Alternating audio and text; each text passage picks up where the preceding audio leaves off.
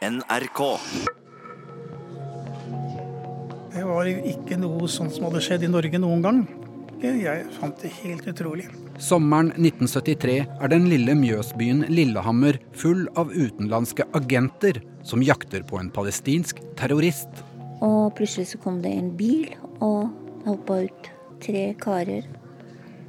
Og den ene sto og pekte på paret, da. På Toril og Ahmed. Den marokkanske kelneren Ahmed Bouchiki blir skutt på åpen gate. Dette er ikke noe Lillehammer-oppgjør av noe slag. Norge er plutselig midt i et internasjonalt etterretningsdrama. They killed them in, in Paris, they killed them in Rome, they killed them in Nicosia, maybe in Athens too. Du hører på hele historien. Agentdrapet på Lillehammer. Del én av to av Nick Best og Ellen Borge Christoffersen.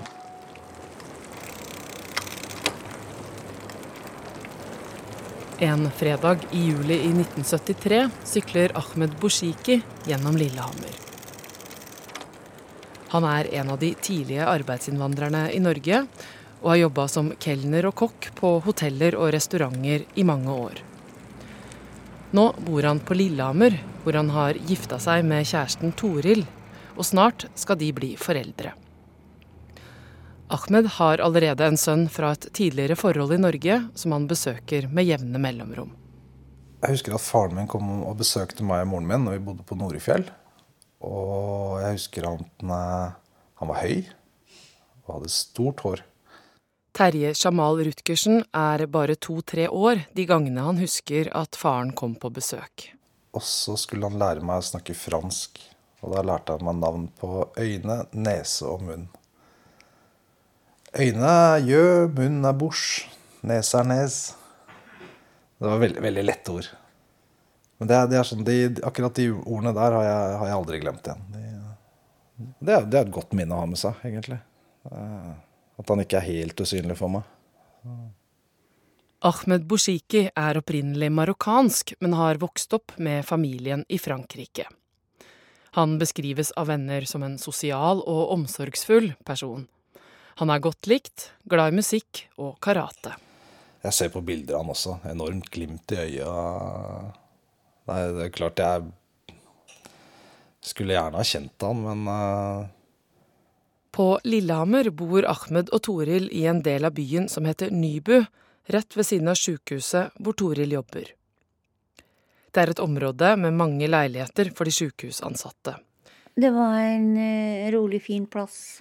En av dem er naboen Dagny Bring, som er jevnaldrende med Toril. Ja, eh, Toril jobba jo på sykehuset, på laboratoriet. Men han eh, kjente jo ikke, men jeg visste hvem han var, liksom sånn For de to som var sammen og liksom sånn. Det var Og der var det sjelden det var noen innvandrere på den tida. På 70-tallet bor det rundt 20 000 mennesker på Lillehammer. Det er en rolig småby som ligger ved den nordlige enden av Mjøsa i Oppland. For den unge lensmannsbetjenten Perleif Rusten er det stort sett mindre lovbrudd som styrer dagene. Det var tradisjonelle innbrudd. For det er, for å si kanskje, at i og med at narkotika var kommet, så trengte de jo penger. Og da hadde vi dessverre en del eh, innbrudd. Vi visste vel kanskje hvem som hadde gjort det, men det var som å få bevist det. Det var det som var litt problemet. Men det var noe. Så, men eh, jeg jobba stort sett med alt mulig. Sivile gjøremål, eh, ikke minst. Og etterfolka trafikkulykker og alt mulig rart som skjedde den tida. Alt mulig mann på et lensmannskontor. Det var lensmann, og så var det fire betjenter og to kontordamer. Det var hele besetningen, kan du si. Nå kommer kronprins Harald ut fra Rikshospitalets kvinneklinikk. Fredag 20.07.1973 blir arveprinsen Håkon Magnus født. Hvor stor var barnet? Det var 52 cm.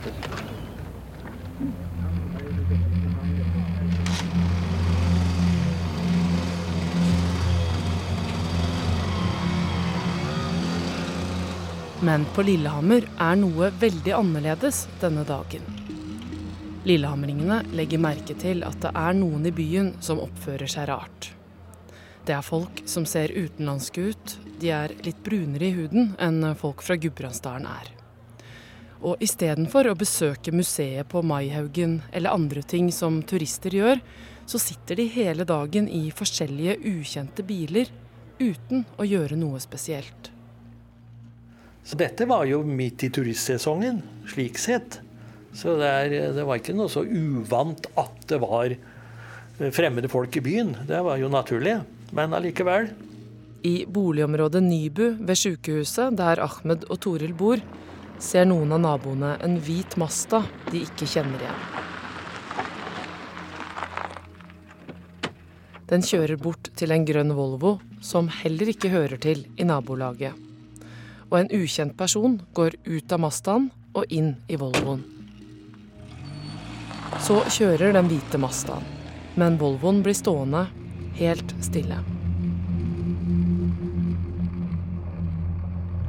Ingen vet at det snart kommer til å skje noe på Lillehammer som henger sammen med en dramatisk hendelse i Tyskland året før.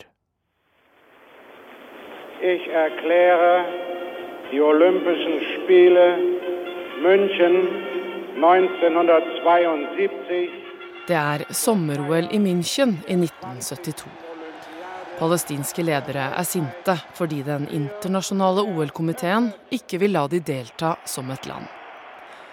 Midtøsten-konflikten har for lengst blitt internasjonal, med bilbomber og flykapringer over hele verden. Når OL er i gang, bestemmer palestinske terrorister seg for å vise verden at det palestinske folket i aller høyeste grad eksisterer og bør anerkjennes. En natt klatrer åtte menn med treningsdresser og bager over gjerdet inn i OL-landsbyen hvor deltakerne sover. De får hjelp av noen canadiske utøvere som tror mennene er andre idrettsfolk som sniker seg hjem etter en ulovlig sen kveld på byen. Men de åtte er ikke i München for å konkurrere. De er palestinske geriljasoldater i terrorgruppa Svart september. I bagene har de ikke treningsutstyr, men kalasjnikov-geværer og håndgranater. De tar elleve israelske utøvere som gisler på stedet. To av dem blir drept umiddelbart. Vi kan fortsatt se de arabiske terroristene. En i tredje etasje på, på balkongen der.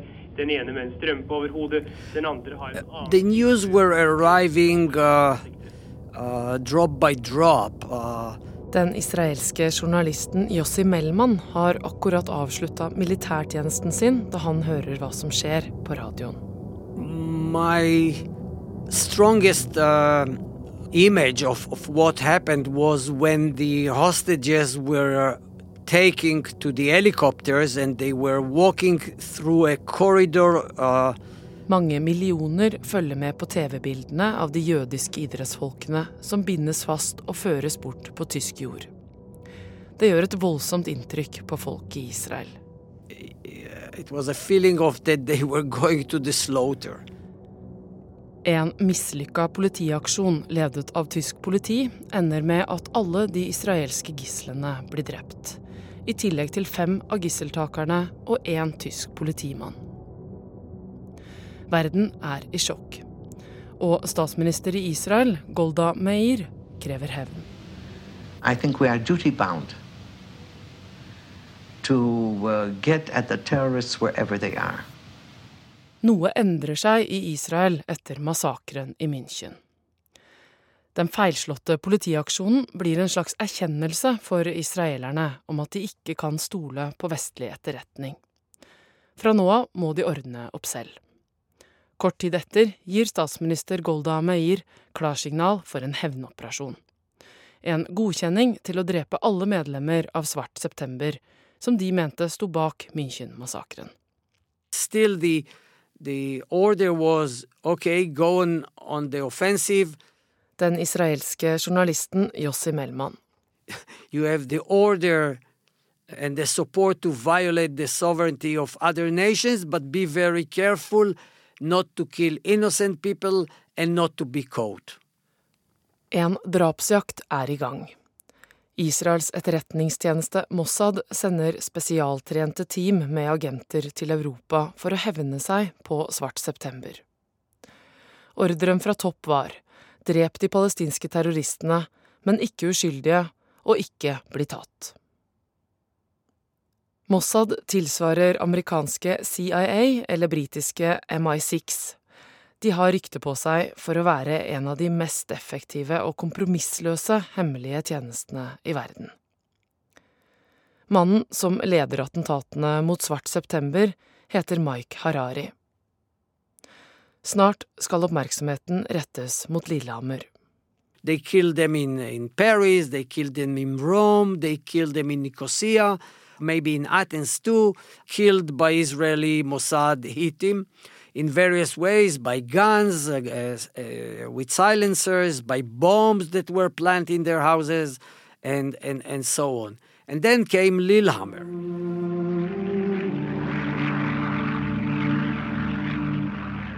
En sommerdag i 1973 flyr en algerisk mann ved navn Kamal Benaman fra Genéve til Oslo. Han er i slutten av 20-åra, høy, velkledd og reiser på nytt pass. Mossad overvåker Ben Aman fordi de mener han er en av Svart september sine hemmelige budbringere, som kan ha planer om nye terrorangrep.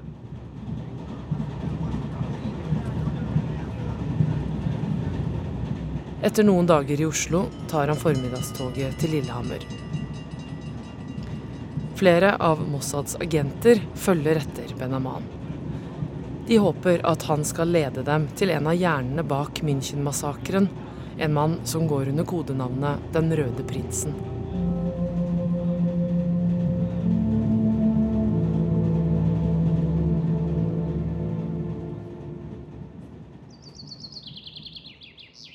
Lillehammer var en liten by. Lensmannsbetjent Peleif Rusten. Alle som bodde oppe i øvre by der oppe i Nyby, som vi sier, de var jo kjent. Alle visste hvem som bodde hvor. Marokkanske Ahmed Boshiki er et kjent fjes på Lillehammer. Blant annet fordi han har jobba på den populære restauranten Grenaderen som DJ, kelner og altmuligmann. Han har tidligere fortalt kona Torils familie at han som 17-åring deltok som sabotør under frigjøringskrigen i Algerie.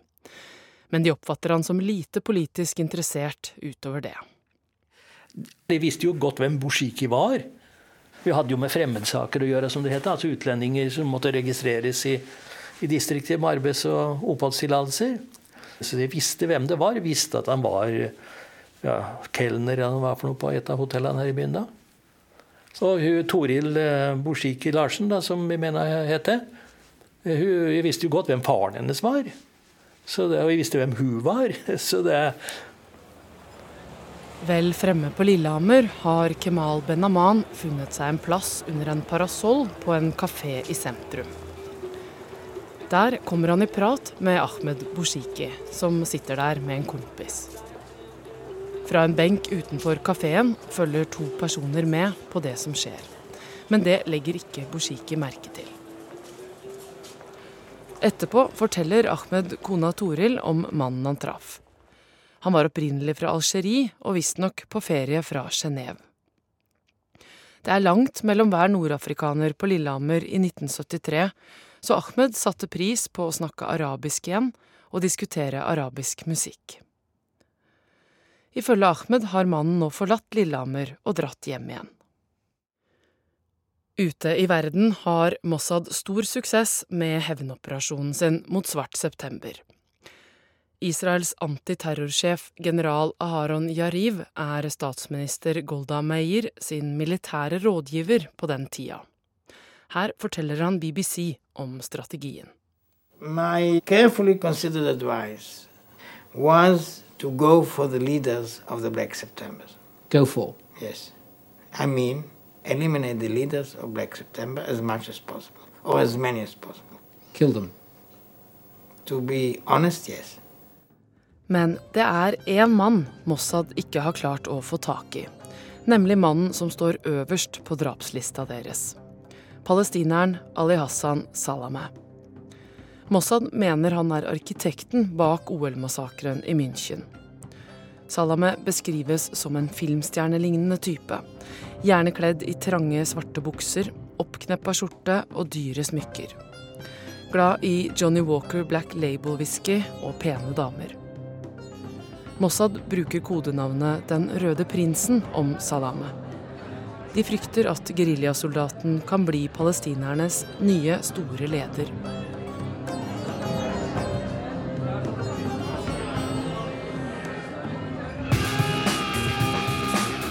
Når Mossad følger etter Ben Aman til Norge i juli, går alt veldig fort.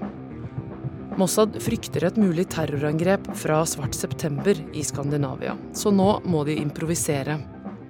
To utrente personer som kan skandinavisk, blir hasterekruttert som agenter til operasjonen.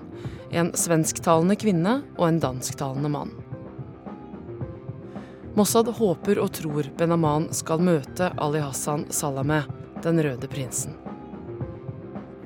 And they said that a team uh, in a very rush way.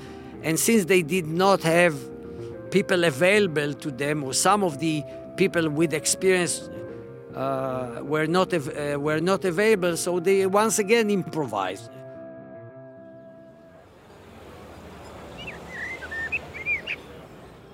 Sommeren har for alvor kommet til Lillehammer. Og øverst på norsktoppen troner Inger Lise Rypdal med hiten 'I mitt liv'. Du ga meg et løfte om et liv, om et liv. Det er lørdag kveld. Ahmed Boshiki og kona Toril har fri og bestemmer seg for å dra på kino. Paret rusler til 20-forestillingen på Lillehammer kino. De skal se 'Ørneredet' med Clint Eastwood i hovedrollen en agentthriller fra andre verdenskrig. Drop that gun and sit down. What the hell are you talking about? Sit down.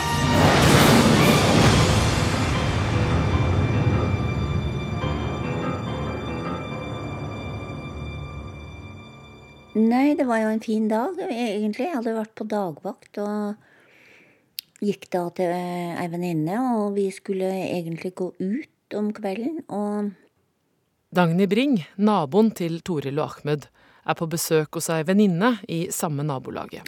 Men ombestemte oss og fant ut at vi skulle sitte og strikke og se på TV isteden.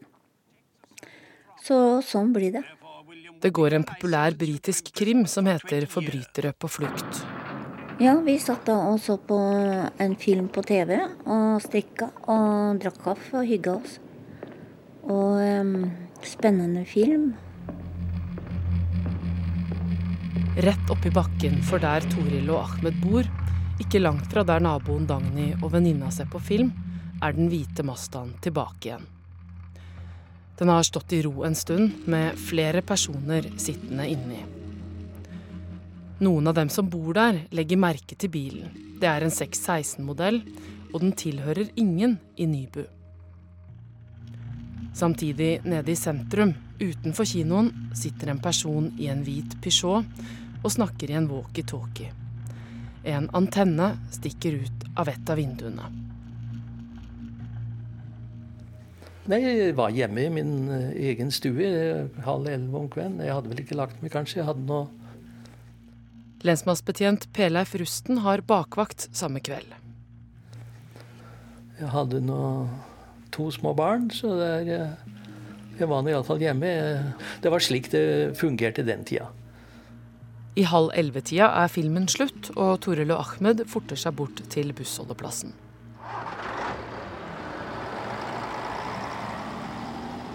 To personer som har venta utenfor kinoen under hele forestillingen, hopper inn i en hvit Peugeot 504 som følger etter bak bussen. Bilen kjører etter en stund, før den plutselig svinger en annen vei. Noen minutter senere går Ahmed og Toril av bussen der de bor, i Nybu.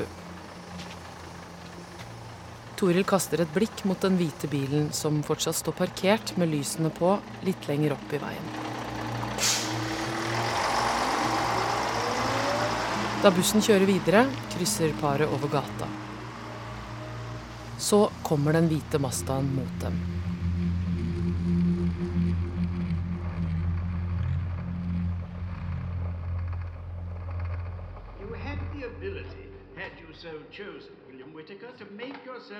I femte etasje i blokka ovenfor har Dagny og venninna kommet godt inn i filmen på NRK.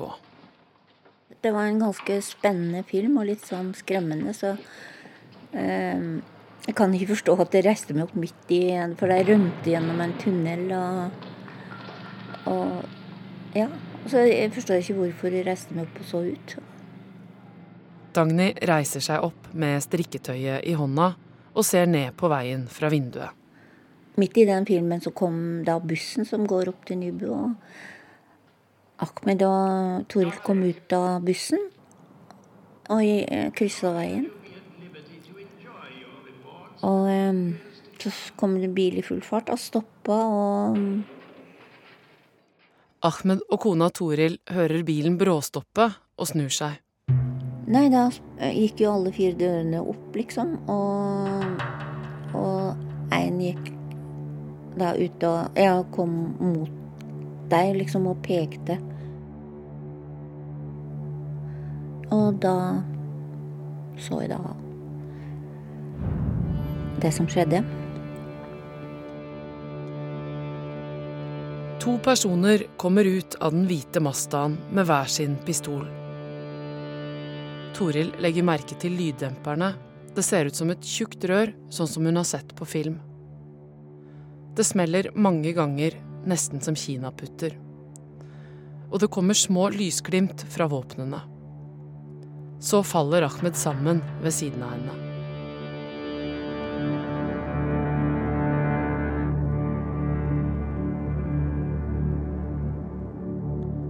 Fem etasjer over står Dagny skrekkslagen i vinduet. Så sier jeg til venninna mi at å, det er blitt skutt. Ahmed er blitt skutt.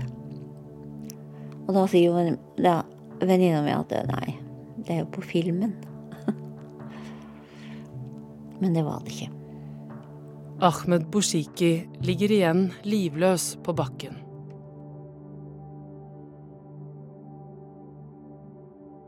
Så hoppa jeg inn i bilen og uff, forsvant. Så da prøvde vi å fly ut på verandaen for å se. Toril, som er gravid i sjuende måned, er ikke truffet av et eneste skudd. Hun løper over veien og ringer på alle dørene hun kan mens hun roper etter hjelp. Nei, et Ja. Jeg hørte i hvert fall Toril skrike. Og da lå han på bakken.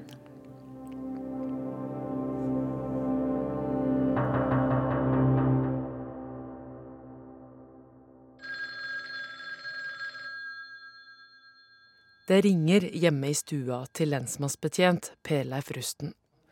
Jeg ble jo ringt til av uh, han som satt på vakta på Lillehammer. Der satt jo Egil W. Simensen som, er som vaktleder på Lillehammer. Og så hadde han en sommervikar. Og så var det en uh, politibetjent som var uh, faktisk yngre enn meg. Det var det hele styrken av politiet. De skyter i Nybø, Rusten, sa han. Hva skal vi gjøre? Nei, sa det Vi får nå bare reise oppi der og se hva det er for noe. Og du vet, vi ingen av oss hadde tanke for noe som helst egentlig, så jeg bare iførte meg en antakeligvis kjeledress som vi brukte mye den tida, og, og, og reiste opp der. Og sånn var det vel ved ellevetiden om kvelden eller noe sånt, så, så ringte telefonen, og da fortalte de at det var en mann som var skutt på Lillehammer. Etterforsker hos Kriminalpolitisentralen, Leif A. Lier, sitter hjemme i Oslo med familien lørdagskvelden da det ringer. Han tilhører det som kalles Mordkommisjonen, en gruppe i politiet som rykker ut på drapssaker rundt om i landet. Uh, og dette var ikke noe uvanlig, uh, fordi at uh, det ringte stadig, så var det drap her og drap der, og jeg Og da satte vi oss i to biler, da. Og så kjørte vi til Lillehammer, og jeg satt i sammen med min daværende sjef Magnhild oppover og diskuterte hva som kunne ha skjedd. Vi trodde at det kanskje var et narkotikaoppgjør.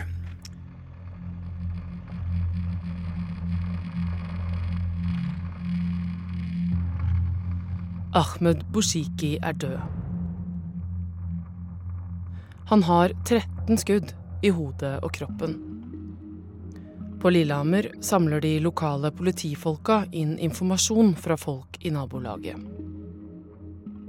Drap er uvanlig på Lillehammer, og lensmannsbetjent Peleif Rusten skjønner snart at det er mye utenom det vanlige med denne saken. Det var vel måten det hadde skjedd på, kan du si. At denne bilen hadde kommet nedover eh, De gikk av bussen, skulle over gata for å inn i eh, blokka hvor de bodde. Og så kommer det da denne bilen i møte. Og det har folk sett, sjølsagt. Og, og igjen da han retter et eller annet fram mot Bushiki. Og så hører de noe dumpesmell, og, han, et, og så er det noen som skriker. Og så bare ser de at han segner sammen. Og så bare feier denne bilen nedover.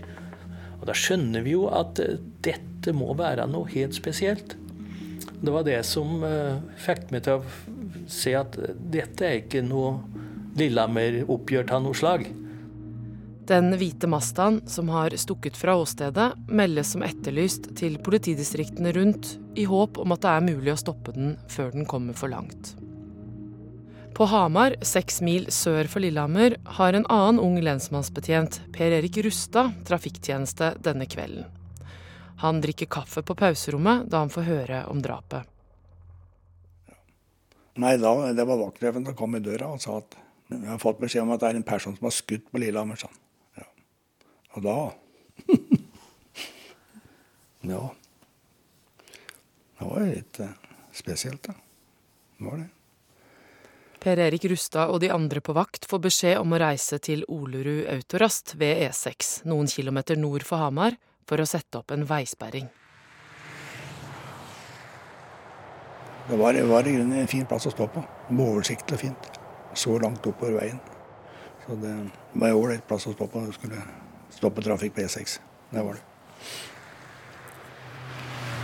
Det var, det var midt på sommeren dette her. Det var lyst og fint, fint vær. Flott vær ute. Og det var en ganske god del trafikk til å være på natta, vil si det. Rustad og kollegaene ser etter den hvite Mazdaen som de to drapsmennene stakk av i. Det var jo fem, fire, fem, seks biler som kom i følge. Men det er en annen hvit bil Rustad legger merke til. Vi sto der i veggen at nå de liksom slakke farten veldig sånn pent ned. Og gled sånn stille og fint forbi. Så, og i en av de bilene da, var den lyse bilen. Da, eller hvite bilen. Da. I en lys Peugeot møter lensmannsbetjent Per Erik Rustad blikket til en kvinne. Og det jeg husker av det, det er at eh, han kjørte veldig sånn, veldig sånn fint forbi, og så satt ei dame med mørkt hår foran på passasjersida, og hun så sånn på oss. Og Jeg noterte det nummeret, da. Han noterer bilnummeret, legger notatblokka ned i brystlomma igjen, og fortsetter å se etter den hvite Mazdaen som faktisk er etterlyst. Men denne observasjonen skal vise seg å bli helt avgjørende for saken videre. Nei, jeg vet ikke. Det var liksom, jeg hadde en følelse av at ja det, ja, det var en lys bil, da. Det var jo det. Og vi snakker litt om det etter at vi hadde notert nummeret. Så tenkte jeg at det der var en lys bil, det var ingen Mazda. Ja, det var... På Lillehammer skjønner politiet snart at folk har sett mye rart i byen de siste dagene. Mange beskriver folk med et utenlandsk utseende som har oppført seg unormalt. De sto der hele dagen, og det er ingen oppe i Nybø som gjør. De står ikke ute på parkingsplassen og sitter i bilen sin hele dagen. Ergo så blir hun lagt merke til. Lensmannsbetjent på Lillehammer, Peleif Rusten. For dette her var noe Dette var ikke de vant med å se opp i, ved Nybø handel, kan du si. Sånne biler. Alle visste hvem som bor oppe i Nybø. Det er ikke all verden av folk som bor oppi der. Så da går vi jo sjølsagt ut. Kom og fortell. Og det gjør de. Etter hvert skjønner politiet at det ikke bare er snakk om én hvit Mazda 616.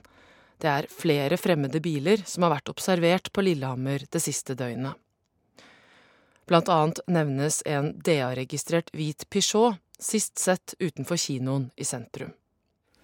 Denne Peugeoten. Og da var det noen som satt bak i bilen med ei antenne ut av der. Og så hadde de da bare kjørt seg. Og det var jo akkurat på den tida om kvelden hvor eh, drapet hadde skjedd. Husk på, dette var i 73. Mobilen var ikke oppfunnet. Da, da, hvorfor sitter du med da et uh, kommunikasjonssett med antenne ut av sidevinduet i bilen din? Dette er ingen lillehammering, for å si det slik.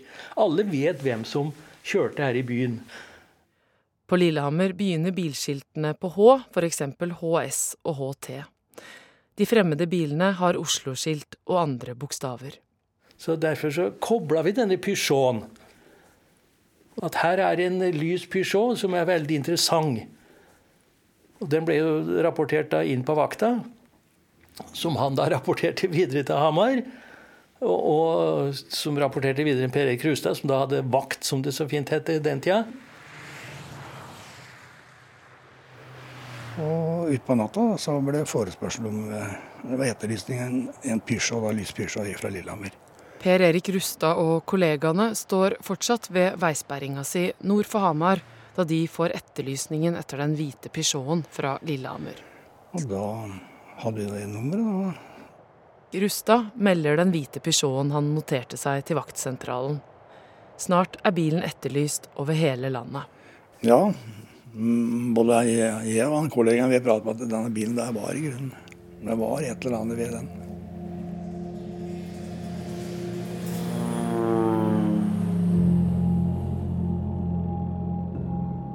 I løpet av natta sperrer tollvesenet rutinemessig flyplasser, båthavner og grenseoverganger.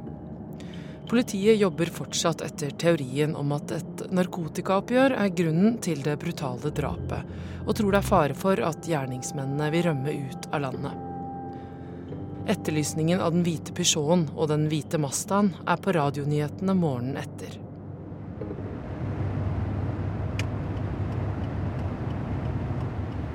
Jeg dro vel hjem fra kvart på seks. Det er søndag morgen. Asbjørn Slørdal kjører til jobben på Fornebu flyplass i Bærum. Og eh, det var i bilen til kontoret at jeg hørte om eh, skytingen på Lillehammer. På nyhetene. Kona hans er på tur til Lillehammer denne helga, og derfor hører han ekstra godt etter når drapet meldes. En hvit Peugeot hadde kommet unna en sperring i Hamar-området, Brumunddal-området.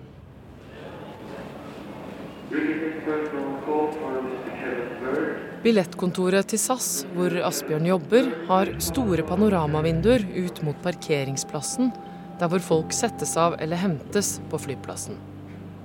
Det var da jeg så ut av vinduet der at jeg så en hvit Peugeot kjøre opp og stoppe. Og en mann uh, går ut av bilen og inn i avgangshallen, mens en dame blir sittende igjen i bilen. Vi hadde et uh, internt calling-system på Fornebu hvor vi kunne kalle opp uh, andre kontorer og politiet.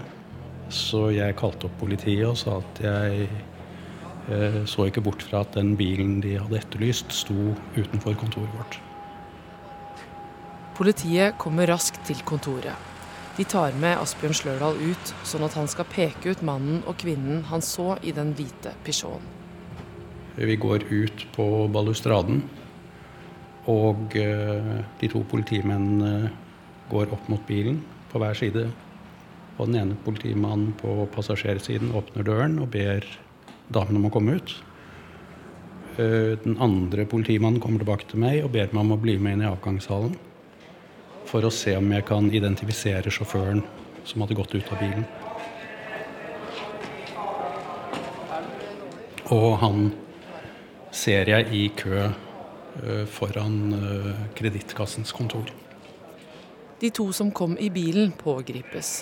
Men det politiet ennå ikke vet, er at det har vært hele 15 personer involvert i hendelsen på Lillehammer. Det skal vise seg at drapet snart knytter Norge til internasjonal terror og storpolitikk.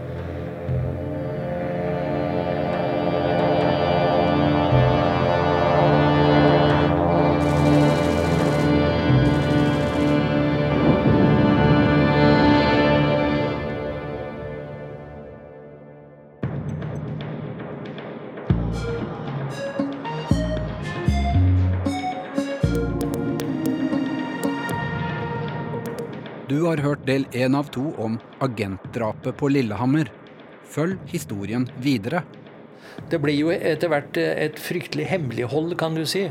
Så fort de pågrep biler i Oslo, så kom de jo inn i ambassadeområder, kan du si. Og de oppdaga fort at det var utenlandsk myndighet da, som var innblanda. The reaction within the Mossad was of shock and trauma. It was the first time that they faced with such a colossal failure. Denne dokumentaren er laget av Nick Best og Ellen Borge Christoffersen. Lyddesign ved Kjetil Hansen, og konsulent det var jeg, Kjetil Saugestad. Vår e-postadresse er radiodok krøllalfa nrk.no. NRK.